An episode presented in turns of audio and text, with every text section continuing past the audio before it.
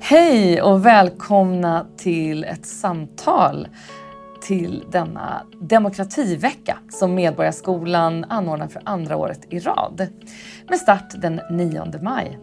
Temat i år är Alla röster räknas. I höstas så initierade Medborgarskolan priset, demokratipriset Droppen. Ett pris som går till en person eller organisation som på något sätt via sitt engagemang har belyst demokratifrågor och gjort en insats för demokratin. Och det här priset fick jag glädjen att ta emot i december, vilket jag givetvis är mycket glad över. Jag heter Sanna Martin och jag är sångerska och skådespelerska och poddare. De här intervjuerna som vi gör här på Demokrativeckan kommer läggas ut som specialavsnitt i min podd lite längre fram. Intervjuerna vi gör här kommer att gå att se på Medborgarskolans Youtube-kanal. Och vill du läsa mer om hur Medborgarskolan arbetar med demokrati, ja, då kan du bara gå in på medborgarskolan.se.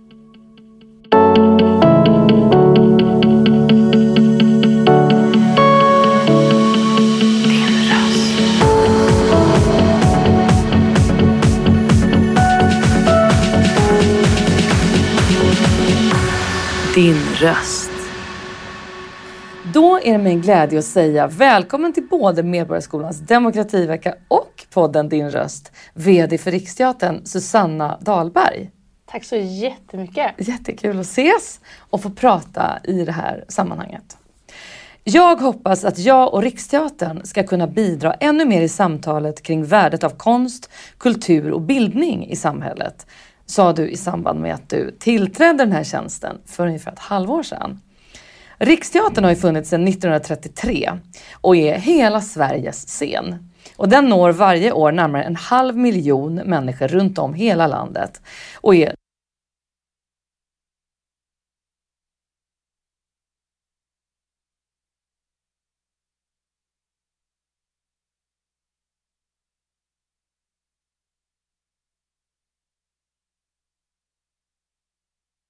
Sveriges största producerande turnéteater.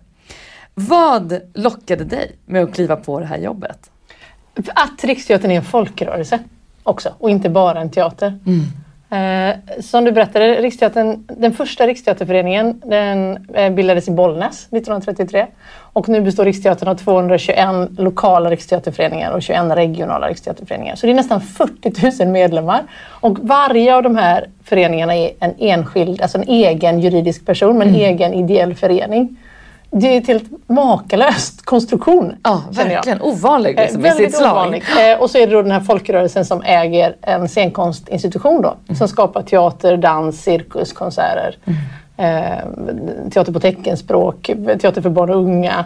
Eh, så vi ska ha kongress nu mm. i slutet av maj. Ja. 86 motioner har kommit in. Oj, oj, oj. Så det som, det som, eh, jag har jobbat med scenkonst både som chef och som producent i jättemånga år. Och det som lockade mig var just att det här är inte bara en teater, vilken teater som helst, utan det är en folkrörelse som äger en teater. Wow, det jag förstår mig. att ja. det är helt speciellt. Men berätta gärna om Riksteatern som organisation och mm. vad ert uppdrag faktiskt är som en av Sveriges tre mm. sceninstitutioner. Mm. Det är Kungliga Operan och så är det Kungliga Dramatiska Teatern mm. och så är det Riksteatern. Mm. Som inte har ordet kungliga. Exakt, det, vi väntar på det. Ja, men det, nej, nej, nej, nej, nej. det är folkrörelse. Ja. Nej, men, eh, nej, men jag går ändå tillbaks lite till historien för att det var ju där det liksom började. Det var ju Tänk liksom hela bildnings, alltså studieförbund, folkbildning, mm. eh, teatern i det här fallet då. Sen har det byggt på med dans och cirkus men då på 30-talet så var det teater. Det var en väldigt intressant politisk tid. Mm. 1933 skapades alltså Riksteatern. Eh, och då var det ju med syfte att eh, som man såg det då, föra ut den konsten. Då fanns det ju stora teatrar i Stockholm, Helsingborg, Uppsala, Göteborg och så. Mm. Och då skulle den teatern liksom sättas på hjul och man skulle kunna få ta del av eh, scenkonst var som helst man bodde i Sverige. Mm. Man behövde inte bo i en storstad för att få ta del av det då. Och ganska snart så, eh, så, blev, eh, alltså startade Riksteaterns första egna ensembler eh, anställde skådespelare. Det blev inte så lätt att ta andra teatrar bara på turné utan man liksom började skapa egna ensembler. Mm. Eh, och det ökade ju. Eh, jag har lärt mig, som jag också tycker är superintressant, eh, att under andra världskriget eh, så spelades i snitt 400 föreställningar per år i Sverige på turné. Mitt, alltså så, även om Sverige inte var i krig så var det krigstid. Det första internationella gästspelet som Riksteatern arrangerade var från Finland mm. 1940. Mm. I, och det var, programbladet var väldigt så här broderfolk och liksom eh, ett väldigt, väldigt aktivt val. Ja. Um, och, och, det är fortfarande vårt uppdrag eh, att, att sprida scenkonst. Eh, visionen är så superambitiös. Scenkonsten sätter tankar och känslor i rörelse mm. för alla överallt. Och det är klart att alla kan inte gilla allt överallt samtidigt utan det är olika saker. Till mm. Men så att uppdraget är, uppdraget är det. Ja. Och de här eh, lokala arrangörerna då ordnar och arrangerar föreställningar. Ungefär hälften är liksom sånt som vi har skapat och ungefär hälften är från andra fria grupper eller andra institutioner, mm. länsteatrar eller så som turnerar. Uh, så, att, så för mig är det liksom demokrati i väldigt många led. Fantastiskt att få mm. höra det här. Mm. Visste inte jag ganska Nej. mycket av det du sa Nej. nu. Du, hur kan en arbetsdag se ut för dig? idag, eh, idag har jag suttit här på Medborgarskolan eh, och fått låna ett rum och haft digitala möten. Jag gick mm. upp eh, kvart i sex och tog tåget från Göteborg till Stockholm. Mm. Sov lite, käkade frukost, jobbade på tåget. Och sen har det varit digitala möten och så får jag träffa dig eh, ja. för det här samtalet. Just det. Mm. Eh, så det är en dag. Eh, imorgon träffar jag ledningsgruppen i Hallunda. Eh, jag var på utbudsdag för inte så länge sedan i Värnamo. Mm. Då var det grupper från hela södra Sverige som presenterade sina föreställningar för arrangörer i hela södra Sverige. Mm. Um, vi hade kulturministern på besök veckan. Då hade vi en barn och unga eh, temadag med folk från hela branschen och hade två premiärer och en ny premiär. Så den ena dagen är inte den andra lik? Jag har aldrig tråkigt. Jag nej. kan tycka att det är svårt. mm. Men just tråkigt eller liksom, åh nej, inte det här igen. Det finns, det finns inte. Nej, jag förstår. Du har ju varit chef tidigare, bland annat för Regionteater Väst. Och jag tänker på det här med att liksom gå in i en ny roll med sin erfarenhet och sin lust och sin vilja. Eh, olika roller och olika positioner och samtidigt ha liksom ett självförtroende och gå in och tänka men det här kan jag, det här kan jag bidra med någonting bra i. Hur, hur, kände du? Blev du liksom förvånad när du blev tillfrågad som den här tjänsten du har fått nu som chef över Riksteatern? Eller kände du så här, nej det där vill jag verkligen liksom fullfölja, det här kan jag, jag göra bra. Eller hur kände du? Rätt. Underbart! Jag kände faktiskt att det här var grejen. När jag, när jag sa upp mig från mitt förra jobb, för det gjorde jag utan att ha något klart. Ja. Och det var bara, då hade jag jobbat där i nästan nio år och kände att nu var det färdigt. Liksom. Mm. Eh, så det var en sak, det var ett beslut. Och sen så dök det här upp och då var det faktiskt först, när jag hörde om det först, äh, att tidigare vd skulle sluta, då var det fortfarande under pandemin. Mm. Och då tänkte, var min första tanke faktiskt tvärtom, nej jag orkar inte vara chef längre. Äh, för att, att ha varit chef för en teater, som Regionteater Väst är också en turnerande teater. Så att ha varit chef för en turnerande teater under en pandemi var liksom jag skulle aldrig vilja göra om det, men jag skulle inte heller vilja vara utan det. Nej, alltså, du vill inte jag, vara utan erfarenheten Nej, jag vill gärna ha den erfarenheten. Ja, men ja. Det var liksom, så först tänkte jag, jag orkar inte mer. Men sen, sen gick pandemin över och sen blev det vår eh, och sen så, liksom, så började jag gå in i den här ansökan och kände längre, ju längre den processen pågick på att men herregud, det är det här jag vill göra. Liksom. Och det var väl också det som, jag har ju ja, en man och en tonårsdotter i Göteborg och, och reser mycket och så. Så det var ju också ett stort beslut för vår familj liksom, att jag skulle gå in i detta. Men det Verkligen. var just för att det är inte vilket jobb som helst utan det är Riksteatern. Nej, vad kul! Du har ju jobbat inom scenkonstbranschen i många, många år, drygt 20 år, inte minst med kultur för barn och unga. Mm. Och jag har läst att du tycker att den demokratiska och samhälleliga aspekten är minst lika viktig som den kulturella. Berätta hur ni jobbar med det eftersom vi belyser demokrati väldigt mycket mm. i just de här samtalen. Men Um, jag får nog backa lite, lite till mig själv mm. tror jag som person i det. Alltså jag, uh, jag är född 1972 så att jag gick i skolan under de hittills mest jämlika årtiondena som har funnits i Sveriges historia. Uh, jag fick själv um, mycket kultur hemifrån men också mycket i skolan. dans i skolan till exempel fick mig att börja dansa och sådär. Um, och väldigt många barn Alltså man får så mycket genom skolan mm. och man får så olika. Självklart ska man få det man får olika från sina föräldrar men, men genom skolan så kan man liksom ge en förståelse för eh, ja, situationer som inte är ens egen. Man kan ju möta saker genom skolan som mm. är helt annat. Och förutom då matte och svenska och syslöjd och gympa och allt som är superviktigt så är jag ju stark anhängare, inte så förvånande kanske då, av att estetiska ämnen ska få ta stor plats i skolan i sin egen rätt. Inte bara för att man ska bli bättre på matte efter att man har spelat fiol en stund, utan mm. att i sin egen rätt. Och det blir stora, det blir stora frågor. Men jag, min egen erfarenhet och som jag möter med barn är ju att konst öppnar upp för samtal, konst öppnar upp för tankar. Eh, både då att ta del av liksom, dans, teater, musik, bildkonst men också att själv få pröva på att uttrycka sig med olika medel. Om man, blir, om man till exempel ser en dansföreställning tillsammans med barn mm. eh, så är det ju ofta att barn inte säger någonting efteråt eller frågar utan de dansar själva. Liksom. Det, blir, det blir direkt spegling i hur man, liksom, ja. man, man, ser ett, man får ett språk och ser ett språk. Och liksom.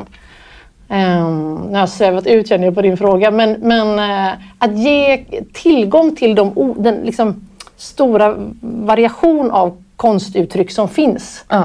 Uh, det vill jag att vi ska ha i vårt samhälle. Och sättet att nå alla barn är ju då genom skolan. Mm. Absolut. Och som du säger, att, att, eh, att det öppnar upp för samtal. Ja. Det är väl kanske det absolut ja. mest centrala kan jag tänka. Att liksom vi, vi, vi måste ha gemensamma upplevelser. Ja. Och vi behöver kunna se att man kan uttrycka saker på olika sätt. Och det kan ju, också, det kan ju öppna upp för samtal men det kan ju också vara helt introvert. Alltså man kan ju själv få en upplevelse eh, som bara förändrar hela ens liv och ja. se på. Ja, som man kanske inte vill prata om med någon men som ändå liksom påverkar den. Ja. Oh, ja, verkligen. Vad, vad tänker du om, vad är demokratins utmaningar idag?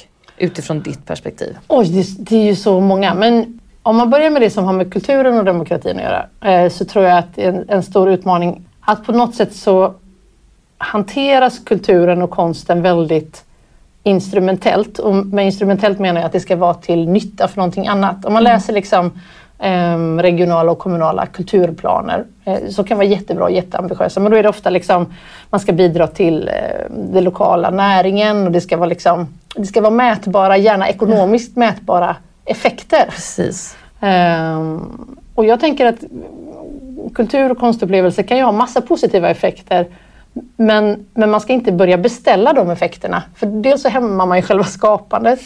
Um, men, men det är också det är liksom fel ingång i det på något ja. sätt.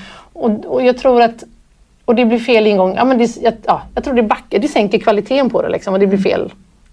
Man behöver se det som vi pratade om precis innan, att det öppnar upp för nya tankar och nya samtal och så. Mm. Och då tror jag att det är en risk för demokratins... Om man ser på konst och kultur just som någonting som ska vara nyttigt eh, på ett väldigt mätbart sätt så missar man själva poängen med mm. det. Och då vi pratade om det här med bildning och liksom hur vi växer som människor. Menar, du frågade mig, jag har jobbat som chef länge. Det har jag också gjort för att jag tror att, att liksom demokratiska arbetsplatser kan bidra till ett demokratiskt samhälle mm. på olika sätt. Mm. Och jag vill bidra till det. Liksom. Och då behöver det få ta plats. Ja, absolut. Då, då, behöver samtal eller aktiviteter som kanske inte ser nyttiga ut i stunden få ta plats. Verkligen. Och jag tänker på det här med att kultur faktiskt på latin betyder bearbetning. Att vi, visste du det? Nej, det läste jag för inte så mm. länge sedan mm. och kände bara, åh gud. För jag tycker liksom att jag tänker bättre än någonsin när jag har varit på en föreställning. Och då är inte det alltid så intressant hur jag värderar den. Om det är så här, bra eller dåligt. Utan det är en upplevelse och så processar man den och så plötsligt känner jag att jag tänker liksom lite klarare. För att vi bearbetar ju oss själva och det vi är med om och, och sådär genom livet på olika sätt. Men jag bearbetar och ser och tänker till mycket bättre efter att jag har till exempel sett någonting live. Och jag tänker på det här med hållbarhet, pratar vi väldigt mycket om idag. Hur, vad har kulturen för roll i ett hållbart samhälle? Hur är den, tänker du, en del av en hållbarhet? Ja, men det blir ju, och nu kommer jag själv låta sådär instrumentell då som jag säger att man inte ska vara. Men, men eh, om man pratar om mm, saker som är utmaningar för vår demokrati så är ju liksom ja, eh, klass, klassamhället och innanförskap och utanförskap. Och liksom att om man, om, tillräckligt många måste uppleva att demokratin är för dem för att mm. det ska mm. vara lönt på något mm. sätt. För att vi ska liksom, och då tänker jag att eh, på det sättet så kan ju olika typer av konst och kulturupplevelser just men man får ta del av erfarenheter som man själv aldrig har varit i närheten av att göra. Just det. Eh, och kanske inte alls har lust att göra heller. Men att man liksom, så att det kan finnas en förståelse för medmänniskor ja, i detta landet eller i något annat land. Ja precis, liksom. verkligen. Den här eh, senaste tiden har ju eh, kultur, kulturen definitivt haft sina utmaningar, inte minst under och efter pandemin. Eh, jag tänker på det här, hur, hur ni ser på det här i er organisation. Hur publiken har kommit tillbaka, hur folk köper biljetter och så vidare. Vad ser du i, liksom, i den här follan för mm. beteenden och möjliga utmaningar? Mm. Nej, men den, stora, den stora överraskningen för, mång, alltså för många av våra arrangörer och publiken så, har det ju, så är det fullt ös och det gick ganska snabbt. Liksom. Och det som publiken gör annorlunda är eh, att publiken köper biljetter senare. Mm. Eh, och det är väl ganska genomgående, genomgående i branschen. Och, och lite grann ser vi en tendens att man hellre köper till lite säkrare kort, saker som man vet vad det är. Mm. Eh, och det som är lite mer, om man kallar det för experimentellt eller nytt eller man har inte hört talas om det innan, lite mer tveksamhet. Liksom. Ja. Och det är ju intressant att följa vart det kommer dra. För ja. det blir också så att arrangörerna är också beroende av sina biljettintäkter. Så mm, ett, en risk är ju att eh, arrangörerna också måste gå på mer säkra kort. För att man måste veta. Liksom. Så på lång sikt så finns det kanske en risk att utbudet liksom smalnar lite. Ja.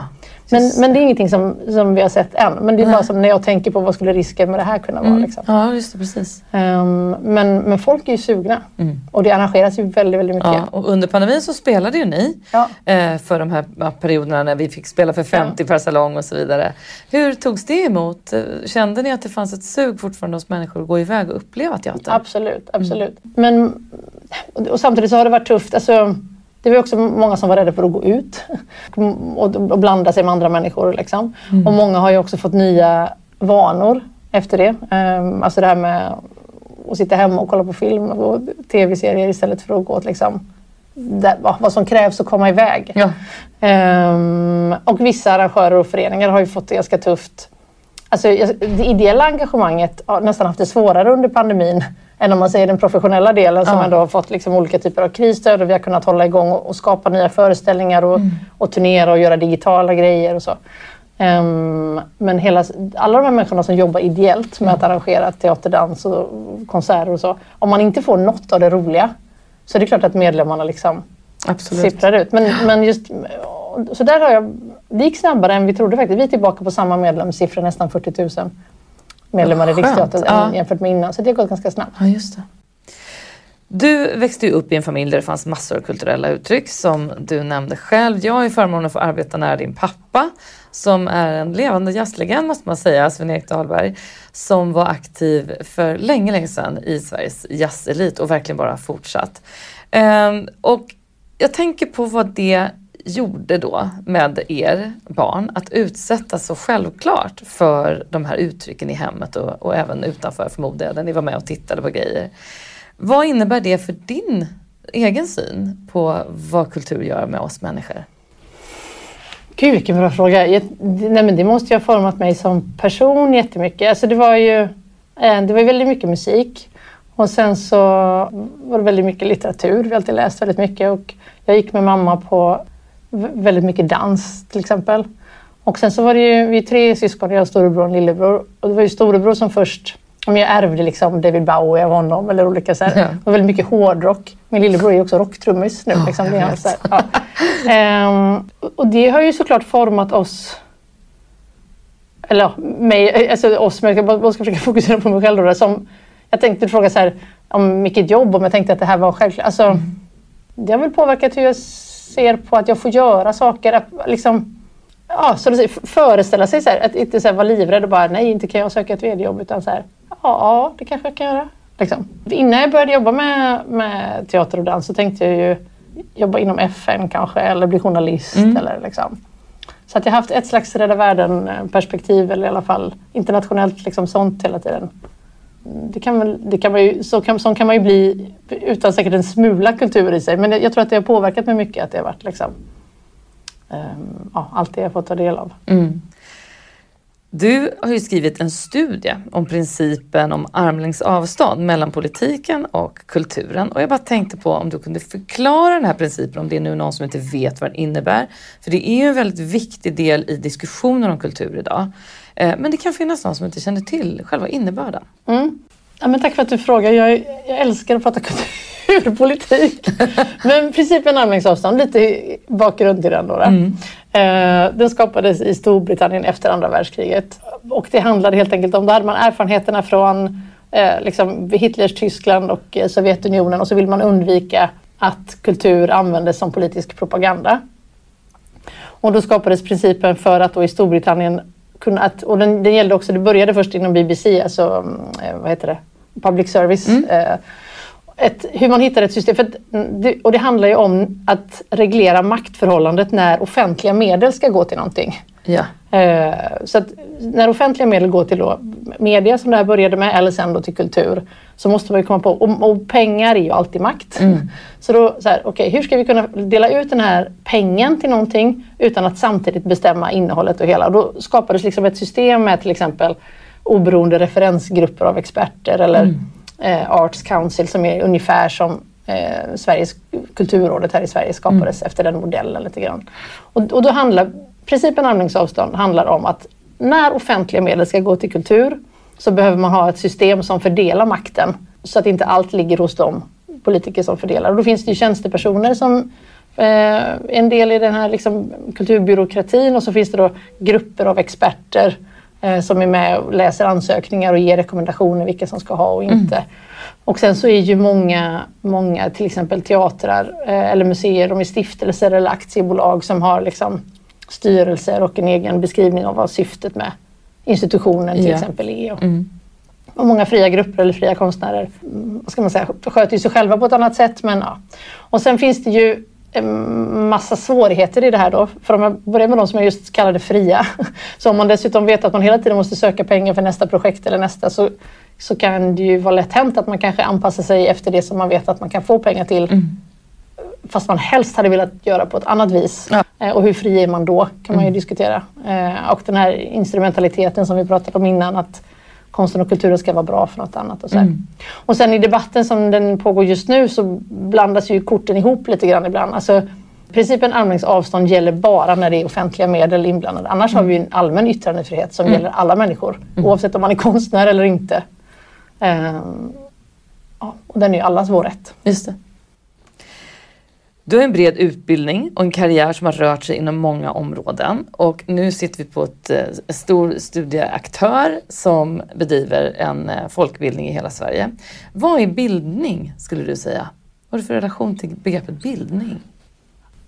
Jag skulle nog säga erf erfarenhet mm. är bildning. Men det är också mycket, jag tänker, som på Riksteatern just nu till exempel så finns det ju, det är så otroligt brett vilka människor som är engagerade eller anställda i Riksteatern. En del har jobbat praktiskt med att det kan vara liksom praktisk kunskap i ja, alltså tillverka kostym eller rekvisita eller snickeri eller väldigt praktiska liksom, skapanden. Eller man är en arrangör och har en lång erfarenhet i sitt community, i sin, i sin ort, vad liksom som funkar och inte funkar, vad publiken vill ha och inte vill ha.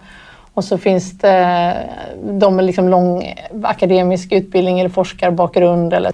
Så att bildning för mig, just nu går mina tankar mycket kring att det är viktigt att uppmärksamma och fånga upp olika typer av erfarenheter som också kan vara väldigt konkreta. Mm.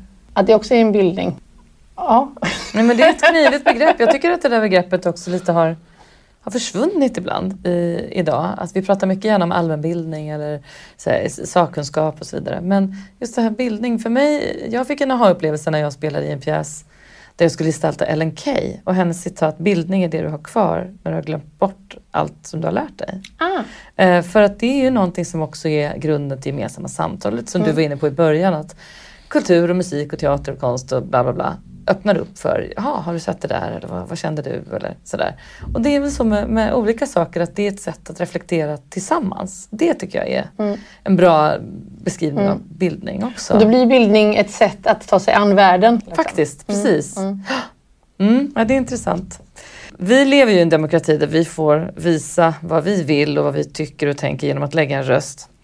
Eh, I alla fall vart fjärde år.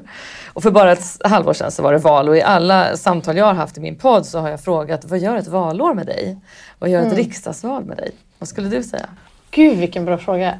Nej, men jag har varit väldigt politiskt intresserad sedan jag var liksom tonåring. Så det, är, det är högtidligt och stort och det blir extra mycket politiska diskussioner. Mm. Och sen i scenkonstbranschen också så blir det också ett ton, eller det blir det hela samtalet men det drabbar också branschen när det gäller liksom eh, alltså, tonen i sociala medier eller på vilket sätt det, som, det man gör uppmärksammas mm. och sådär som också är hårt och eh, lite korkat och polariserande på ett sätt som liksom så det, det är också eh, jobbdelen av mig går ju, omkring, går ju igång eh, som chef med ett arbetsmiljöansvar också. Ja. Liksom. Så, så det blir liksom här, så privatpersonen jag tycker att det är väldigt spännande med liksom, diskussion ja. och hela det här. Ja, det. Och, och på jobbet så behöver jag också förhålla mig till det utifrån eh, konsekvens och riskanalys och beredskapsplaner och arbetsmiljö. Mm. Så det är lite olika, ja, det, olika saker. Och i Hallunda mm. eh, utanför Stockholm så har de flesta av Riksteaterns nationellt anställda sin arbetsplats. Här arbetar då 200 eh, personer läste jag mig till eh, och varje år kontrakteras ytterligare omkring 300 personer för att arbeta med Riksteaterns egna turnéer. Exempelvis då skådespelare, regissörer, dansare, koreografer. Och eh, på Riksteatern så läser jag mig till att det finns följande avdelningar. Det är då VD och stab och enheter för strategi, analys och kunskap. Teateravdelningen, dansavdelningen, teknik och ateljéer, förening, försäljning och kommunikation, finans och verksamhetsstöd och personalavdelningen. Och som ytterst ansvarig då för hela det här skeppet så tänker jag, vad är bra ledarskap för dig? Alltså, mm, jag har några några mål. Så jag, vill, jag vill gärna bli ihågkommen som den vdn som lyckades liksom överbrygga motsättningen mellan folkrörelsen och konsten. Ibland så liksom, eh, för det är så olika villkor man har att verka under de här ideella arrangörerna och de anställda. Och ibland så finns det föreställningar eller liksom dem och så. Jag, mitt mål är att kunna skapa ett jättestort vi av det här för då blir det så mycket kraft i organisationen. Så det är mitt ena mål. Mitt andra mål är ju att var och en som jobbar, jag kan inte bestämma över de ideella arrangörerna, de bestämmer över sig själva. Men de anställda är ju liksom eh, mitt ansvar att de ska veta vad de ska göra. På något sätt. Och då är mitt mål att syftet ska vara så tydligt så att var och en i så stor utsträckning som möjligt ska få bestämma över sina egna arbetsuppgifter. För då tror jag att det blir liksom bäst kvalitet också i det. Det är lite grann samma som med konsten, om den får mm. drivas på sina egna villkor av var och en. Men för att det ska funka i en så stor organisation så måste det ju vara jättetydligt vart vi ska på lång sikt. Liksom. Så jag, jag, ser väldigt mycket fram emot att liksom få gå igång efter den här kongressen. Ja. När kongressen har tagit sina stora, liksom bara då, så här, yes nu kan jag äntligen börja jobba mm. med att liksom, tillsammans med alla andra förverkliga de målen. Då. Mm. Och du har ju sett förmodar jag, hur mycket bra föreställningar och livekonserter och, och övriga upplevelser eh, gissar jag under hela ditt liv. Finns det då någonting, eh, må vara teater eller konsert eller något annat, som har gjort djupa avtryck som du bär med dig och minns eh, än idag? Oj, oj, ja men hur många som helst. Det är nästan omöjligt att välja ut någon tror jag. Nej, jag vet inte vad som... Nu, nu kom nej, det bara och så nej. blir det så jobbigt ja. när någon frågar sådär. Ja. Då kommer man inte på någon. nej, men jag, ibland kan det vara så att det är någonting som har etsat sig fast av någon anledning som ja. vi knappt vet själva. Ja. Eller en person som man alltid känner att så här, lyckas fånga ja. eller sånt där. Nej, men jag vet en... Eh, jag växte upp i Göteborg. Och nu har jag i efterhand lyckats förstå eh, att det var en föreställning jag såg 1986 i Gamlestan i en, en ett gammalt garage tror jag, eller någon typ av källarlokal. Det var i alla fall Backa teater. Och jag tror, det här med att jag sa att jag skulle jobba på F, alltså jag tror jag fick ett både liksom på något sätt internationellt intresse växte och jag fick någon slags feministiskt uppvaknande. För Maria Hedborg, skådespelerskan, hon spelade P.V. Båtas fru. Eh, det var Backateater, 80-talet, jag gick i högstadiet. Ja. Och hon sa hela tiden så här, ja men båt eller... Och så tjatade hon på honom hela tiden att han måste liksom bidra till att demokratisera Sydafrika och att svarta måste få inflytande och att apartheid måste falla. Och hon hade just den här repliken. Det var ju liksom en föreställning gjord för ungdomar. Det var något väldigt så här rytmiskt. Ja men båt eller... Och så tjatade hon på honom hela, hela föreställningen. Liksom. Och den, då var det nog bara en i raden. Vi gick mycket på teater med skolan. Mm. Men nu i efterhand, när jag tänker på den, så var det nog liksom Aha. Den kröp under där på något den sätt? Och liksom, satte sig. Ja. ja. Så den är en sån. Gud, intressant. Men du, om du fick vara minister, vad skulle du vara för minister? Och vad skulle du ta tag i först? Finansminister. Nej, men jag tänker att jag skulle vilja vara den minister... Eh, herregud, det här låter ju helt galet. Jag var på väg att säga att jag skulle vilja vara den minister med mest makt. Ja, ja. men då är du inne på något bra ja, där med finans. Ja. Så nu sa jag det i alla fall. Eh, nu kommer jag låta som jag är maktgalen, det är jag inte alls. Men, eh, det är kul att kunna påverka. Mm. Mm. Jag stör mig lite på att inte, när vi pratar om kultur nu, så kan jag känna, det kom också upp ganska mycket diskussioner under pandemin, att kultur, eh, liksom, departementet inte har en högre rang, inte mm. har en större tyngd. Mm. Det fanns en, en krönika i, jag tror att det var Dagens Media, som Jan Scherman skrev, där han liksom verkligen ville påvisa att kulturen är en näring, det vill säga det är en bransch. Där har jag själv liksom försökt att påvisa det ganska mycket i samtal med makthavare, att det får vi liksom inte glömma heller, att det är massa egenföretagare som jobbar på. Eh, men det är också en, det ger näring, det är näring till våra personer och våra individer, våra själar och våra drömmar och allt det där som vi har varit inne på.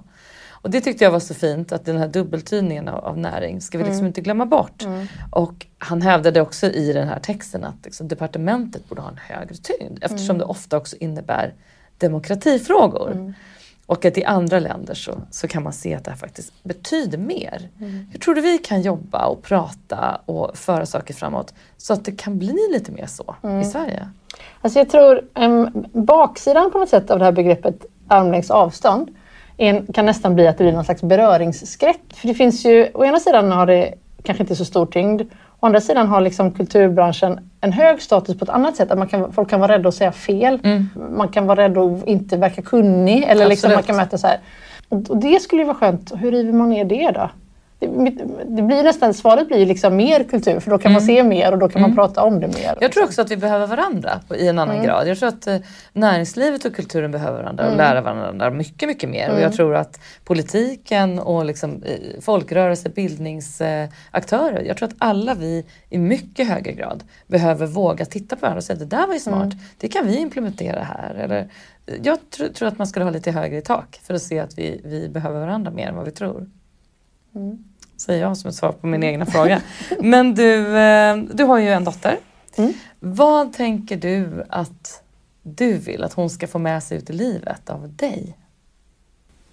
Jag önskar att jag skulle kunna ge henne en känsla, och det, och det hoppas jag att hon har, men en känsla av att få höra till, en känsla av att få vara med, att få liksom och det har ju delvis också med klass och position att göra på något sätt. Att, att man liksom, ja, men jag är ju född i Sverige, uppvuxen i Sverige och jag har, känner så här, jag är värd att lyssna på på något sätt. Så det hoppas jag kunna förmedla till henne. Och då måste man också kunna lyssna på andra. Alltså om man själv ska vara värd att lyssna på, då måste man ju respektera andra. Mm. Även om man tycker att de kanske är idioter ibland. Man måste kunna både liksom mm. fri att uttrycka sig eh, och bra på att lyssna och inte avfärda folk utan lyssna klart. Mm. Så det hoppas jag. Kanske. Du, ehm, hur vill du helst använda din röst framöver? Nej, men jag, I min funktion som VD för Riksteatern eh, så får jag ju möjlighet eh, ja, att komma till olika arenor, olika samtal. Nu sitter jag här och pratar med dig mm. men också jag träffar olika makthavare och eh, jag träffar människor runt om i hela landet och sådär. Så jag vill gärna använda min röst till dels som det som jag var inne på förut, att överbrygga kanske skillnader. Inte ha så mycket vi och dem överhuvudtaget, både inom min egen organisation men också bredare. Det skulle jag vilja bidra till. Sen mm. så skulle jag vilja bidra till uh, det låter så här, men att ta bort den här nyttoaspekten av kultur, men lite av livet överhuvudtaget. Alltså det är så... Ja, det är lätt att säga för det är massa människor som bara, man måste bara jobba för att överleva. Liksom. Mm. Då är det, det är klart man måste ha sin nytta där men, men uh, vad, det vi prioriterar och lägger pengar på i samhället eller väljer att inte lägga pengar på är lite kortsiktigt ibland tycker jag. När man ser på nytta. Man tänker med också barn och unga till exempel eller mm. områden som har det tuffare än andra och så. Det är så kortsiktigt ibland. Mm. När jag träffade kulturministern, hon, hon använde uttrycket flera gånger alternativkostnad. Om man inte då satsar pengar på till exempel kultur till barn och unga, eh, vad är alternativkostnaden? Mm. Eh, vad skulle man behöva göra sen då för att liksom ja. rätta till Precis. det som man... Mm, relevant. Det, ja det, här med vad man vill påverka, det, det kan man ju verkligen liksom, det böljar ju också hur, hur, man känner kring det här med, med påverkansarbete. Men finns det någonting du har sett i ditt jobb och ser i ditt jobb som du skulle önska att makthavare visste? Ja, oh, gud vilken bra fråga. Mm, ja, men det första som kom är tanke till mig nu, vi har ett eh, konsertprogram på Riksteatern som heter Voices of Change. Vi hade en stor konsert i, i Avicii Arena eh, med liksom artister från olika delar av världen där, där det är svårt att göra sin röst hörd, där man mm. inte får uttrycka sig fritt. Och, och jag då som har levt i Sverige hela mitt liv, att verkligen fatta värdet av att få uttrycka sig fritt, att få mm. prata fritt och att få göra det på ett språk som man själv känner sig hemma i. Mm. Det kanske alla makthavare vet men, men det, det, vill jag verkligen man ska fatta hela vägen in i sin liksom, kropp vad det betyder. Eh, och ta vara på eh, och värna det. Ja. Det är inte så självklart överallt Verkligen att kunna höja Nej. sin röst. Nej. Med de orden, tack för att jag fick prata med dig på de här eh, spännande ämnena. Och för att vi fick sitta här idag. Tack till er som båda har tittat och till er som lyssnar. Ha Tack. det så bra. Tack.